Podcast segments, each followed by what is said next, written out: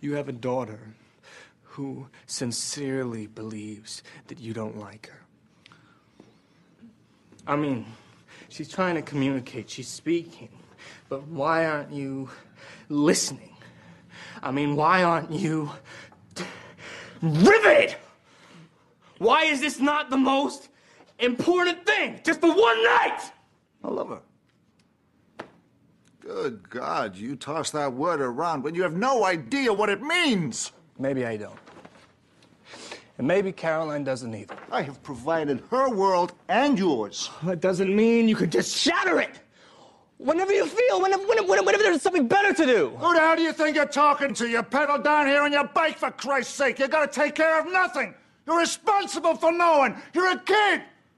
You think you're the first one to lose anything? You think that whatever you feel in your heart, I don't also feel it in mine?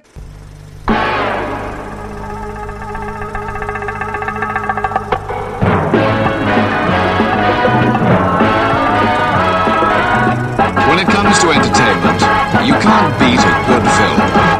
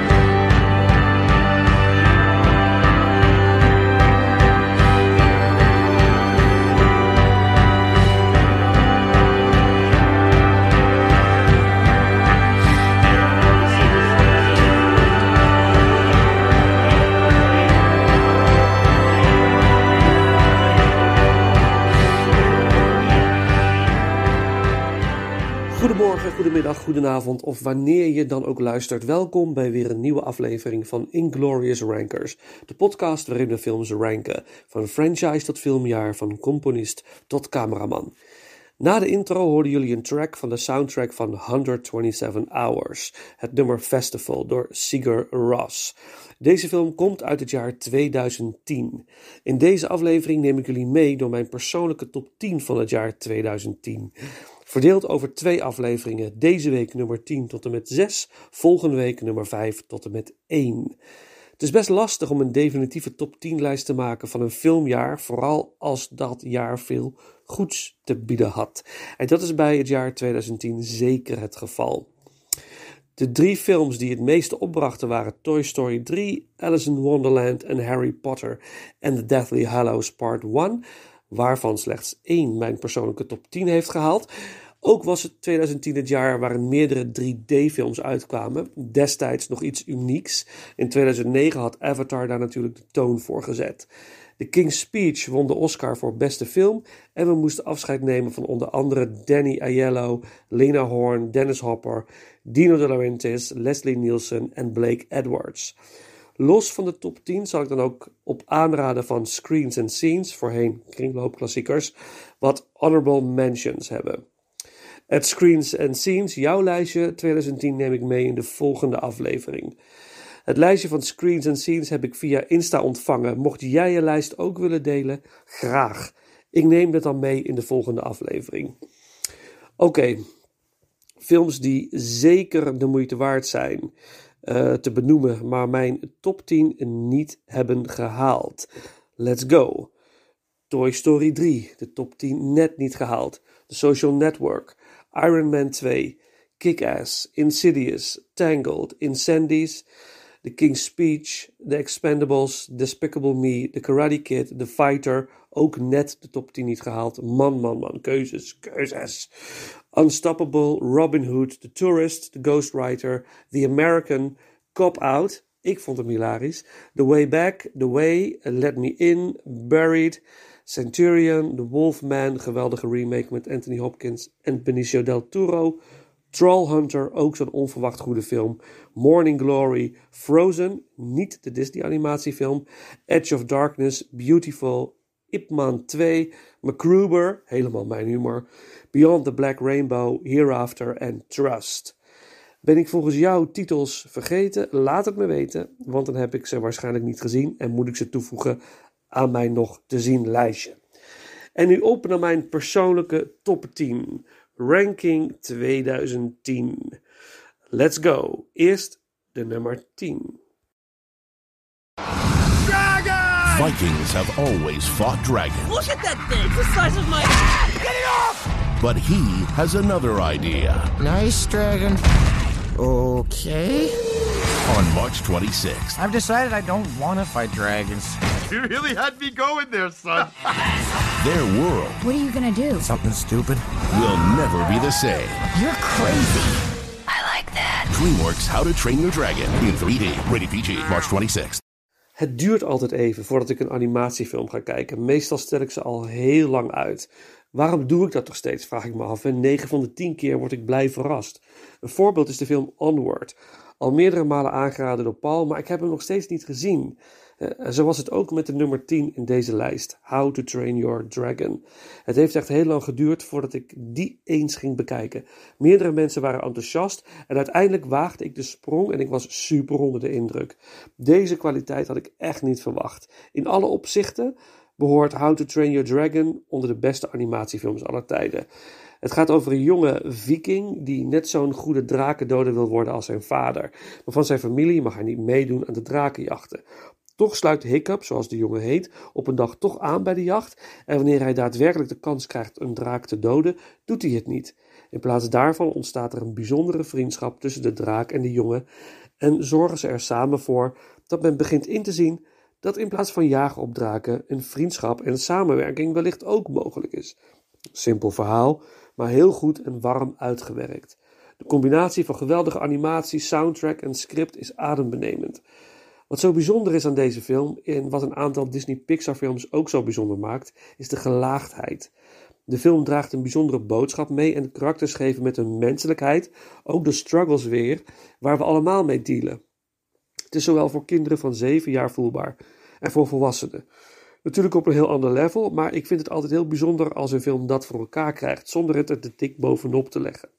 Met How to Train Your Dragon ervaar je een mooi en spannend avontuur en voel je ondertussen de laag en neem je, uh, neem je mee wat jij eruit pikt. Uh, het karakter van Hiccup is mooi weergegeven uh, en is een ideale protagonist. Maar de show wordt gestolen door Toothless, de draak, waarmee Hiccup de speciale band krijgt. Het, het, is een zwarte draak en het design is gebaseerd op verschillende dieren. En daarom sluiten we de draak vrijwel direct in ons hart. In Toothless zitten elementen van katten, honden en paarden. Allemaal dieren die een nauwe connectie hebben met de mens. Ook heeft het hoofd van de draak de vorm van het hoofd van Stitch. Uh, de, van de film Lilo en Stitch van Disney. Het resultaat was ook positief voor veel katten in asiels. Na het verschijnen van deze film werden veel zwarte katten geadopteerd en toothless genoemd. Natuurlijk kun je je afvragen of het positief is, aangezien ook bekend is dat door veel Disney-films bepaalde hondenrassen heel populair werden en blind werden aangeschaft door mensen in de veronderstelling dat de dieren zich zo zouden gedragen als in de films. Wat juist weer resulteerde in het vollopen van dierenasiels. How to Train Your Dragon is geen Disney-film, maar een DreamWorks production. Het heeft ook een andere feel dan Disney en dat is iets goeds. Ik ben dol op Disney-films, maar zo nu en dan een verfrissende DreamWorks-animatie is ook meer dan welkom. Alleen zijn dergelijke studio's geneigd om veel sequels te maken en door te borduren op het voorgaande succes. Zo ook bij How to Train Your Dragon. De tweede film heb ik inmiddels gezien en vond ik ook erg goed. De derde film stel ik alweer een paar jaar uit. Maar ik heb vernomen dat ook deze de moeite waard is. Dus wie weet. Voordat we gaan naar de nummer 9, een track van de soundtrack van How to Train Your Dragon. Ehm, muziek door John Powell. Het nummer Coming Back Around.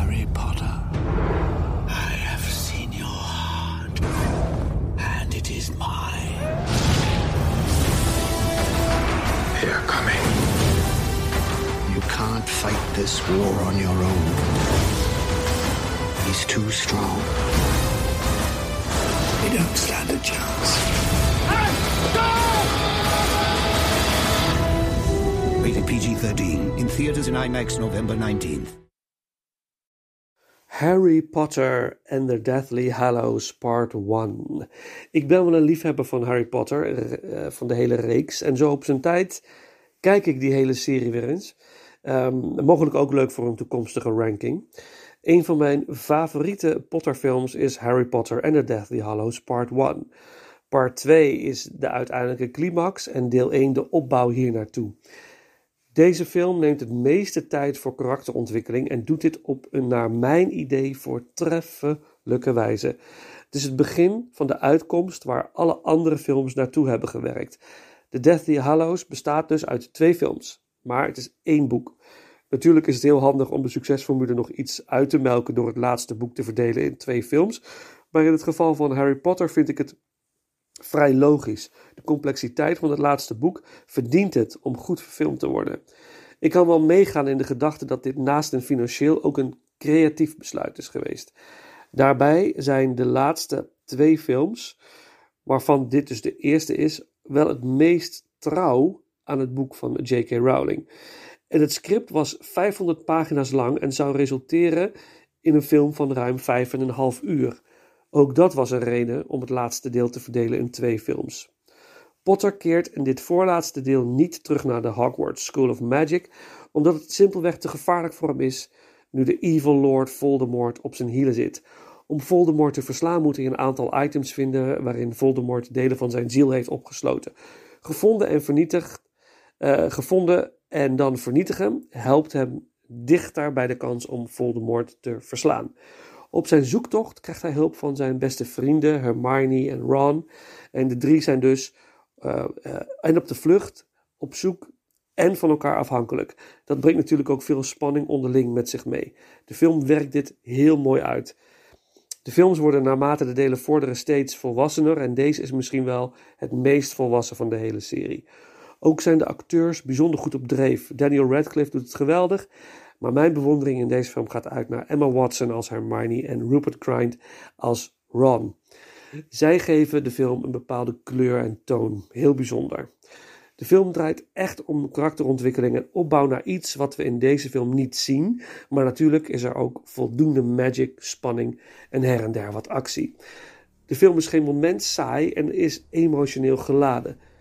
De score is in handen van Alexander Desplat en hij levert weer voortreffelijk werk af voor deze film. We gaan even luisteren naar de track van de soundtrack van Harry Potter en the Deathly Hallows, Obliviate. En daarna door naar de nummer 8.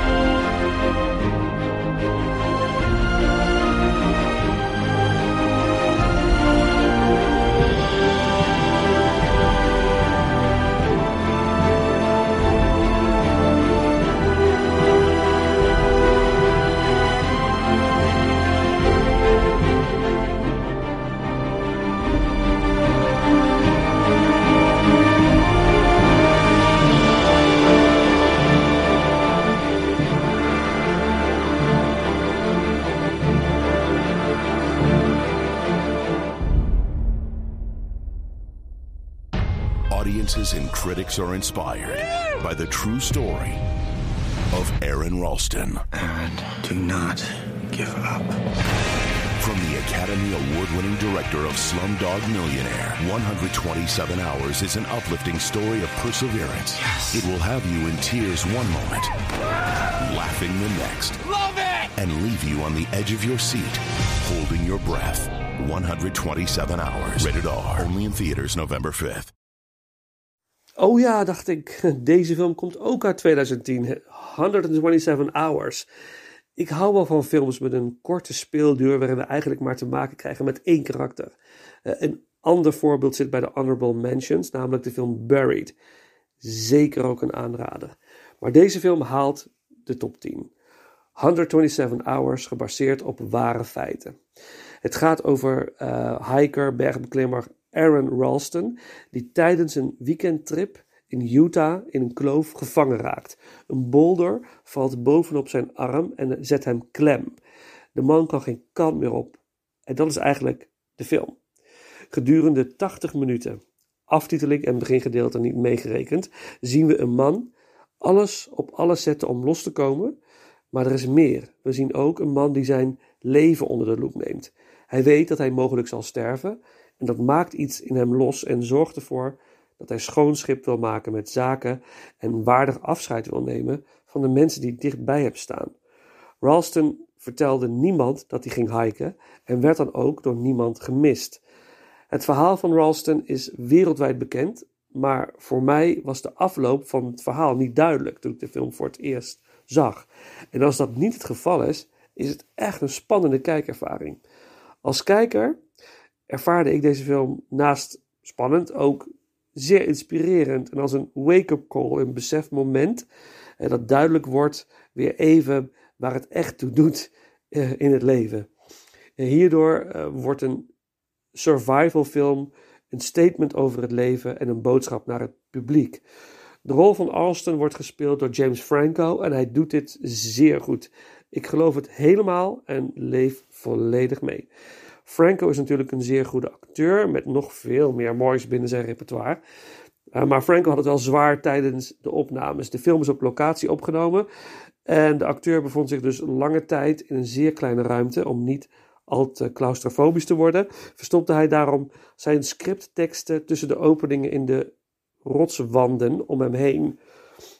De regie is in handen van niemand minder dan Danny Boyle, die we natuurlijk allemaal kennen van juweeltjes als Trainspotting en 28 Days Later. En het waanzinnige Slumdog Millionaire. De titel 127 Hours staat voor het aantal uren dat de ramp voor Ralston duurde. Vanaf het moment dat hij zijn huis verliet tot het einde. In totaal vijf dagen en zeven uur. Nou, voordat we naar de nummer 7 gaan, nu ook een track van de soundtrack van 127 Hours, de track Wasting Time door A.R. Rahman.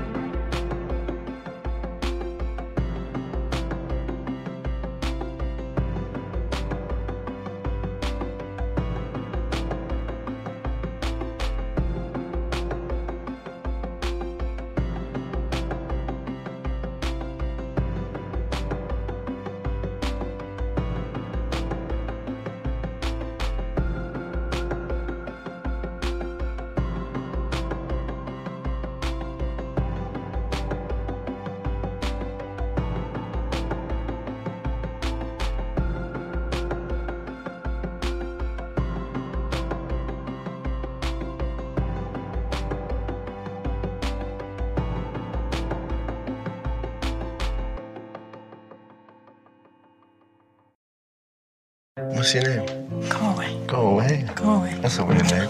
The critics have fallen in love with Blue Valentine. Rolling Stone declares Ryan Gosling gives an emotionally naked performance. And Entertainment Weekly raves Michelle Williams will break your heart. If there's any justice, they'll both earn Oscar nominations for their raw, arresting performances. Now nominated for two Golden Globe Awards, including Best Actor and Best Actress. I love you. I love you too. Blue Valentine.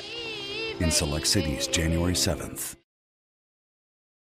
Dean en Cindy zijn een jong echtpaar met één schattige dochter. Dean werkt als schilder en Cindy als verpleegster. Voordat ze een relatie kregen, hebben beide het een en ander te verduren gekregen en dat nemen ze mee in de relatie die ze nu hebben. Ze komen zichzelf en elkaar hard tegen en het is nog maar de vraag of de relatie hiertegen opgewassen is. Dean heeft eigenlijk geen ambitie, althans dat lijkt zo te zijn, en is tevreden met zijn baan als schilder, omdat hij hierdoor lekker kan drinken om 8 uur 's ochtends, zonder dat dit de kwaliteit van zijn werk beïnvloedt. En Cindy wil graag verder groeien binnen haar werk, omdat zij eigenlijk steeds het gevoel heeft niet goed genoeg te zijn. Zo proberen de twee zich door het leven te worstelen. De film Blue Valentine gaat dus over een relatie. Niet bijster interessant zou je misschien denken, maar dat is het absoluut wel. Blue Valentine is geweldig mooi, prachtig gefilmd en niet lineair verteld. We zien de huidige staat van de relatie en de weg naar de relatie toe.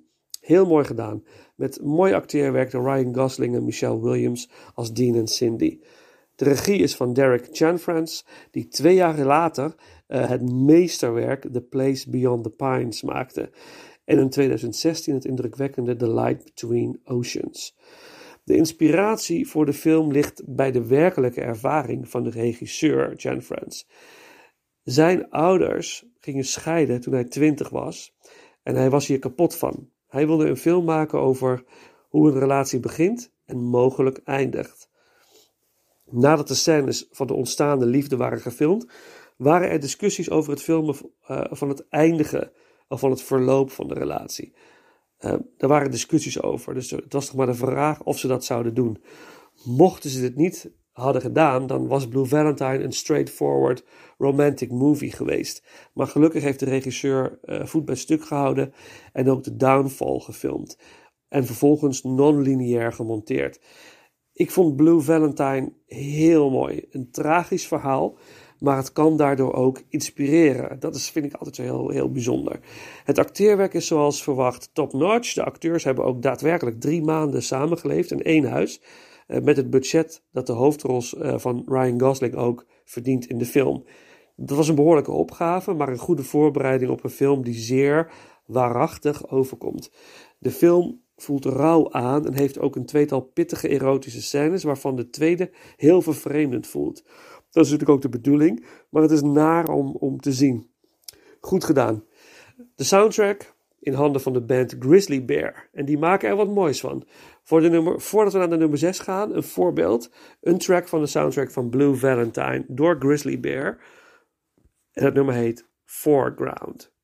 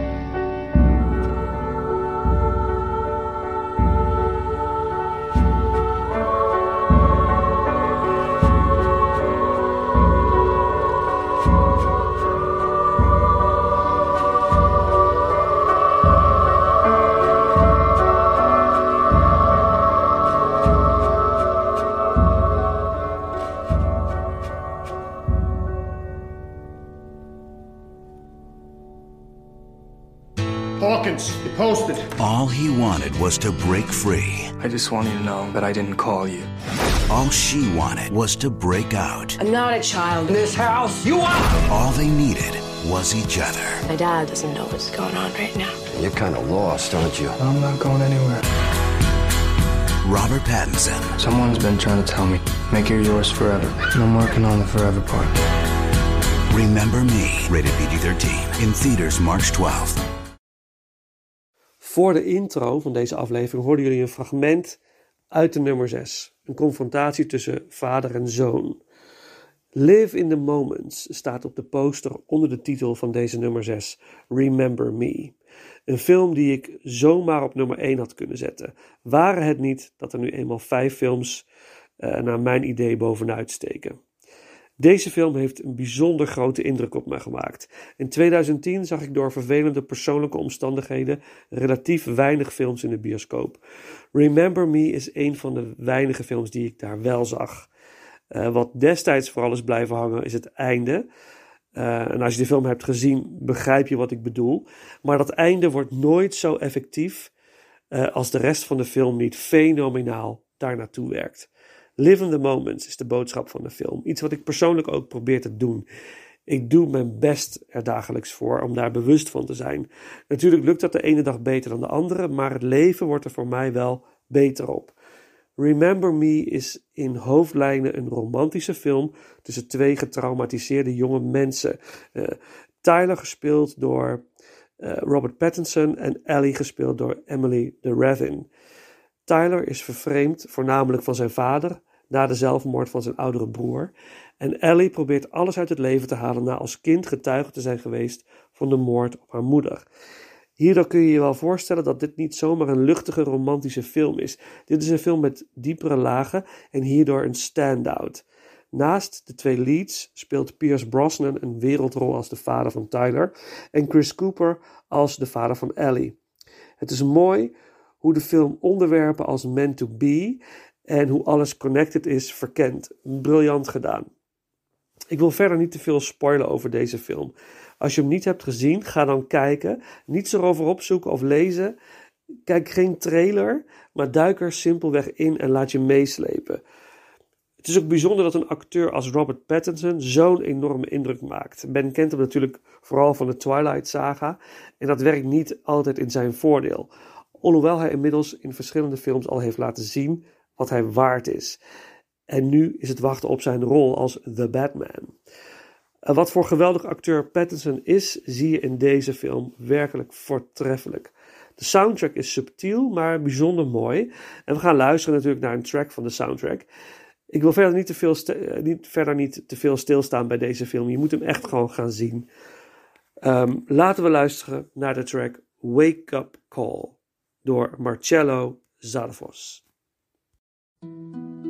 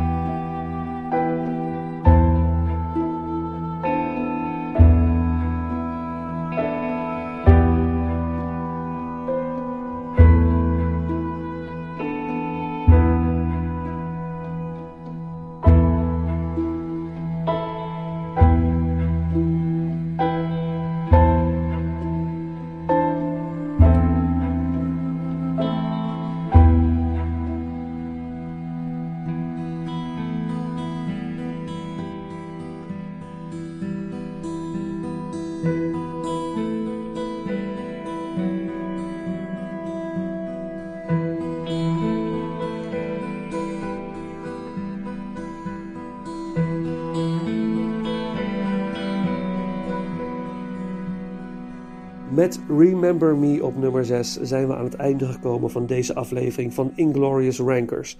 De volgende week uh, de nummers 5 tot en met 1. Ik ben natuurlijk ook heel benieuwd naar jullie 2010 ranking. Deel het met me via de bekende social media kanalen en ik neem het mee in de volgende aflevering. Voor nu sluiten we af met een nummer uit de film Toy Story 3. Het nummer dat de Oscar won voor beste original song in 2010. We Belong Together door Randy Newman. Lieve mensen, bedankt voor het luisteren en tot de volgende ronde.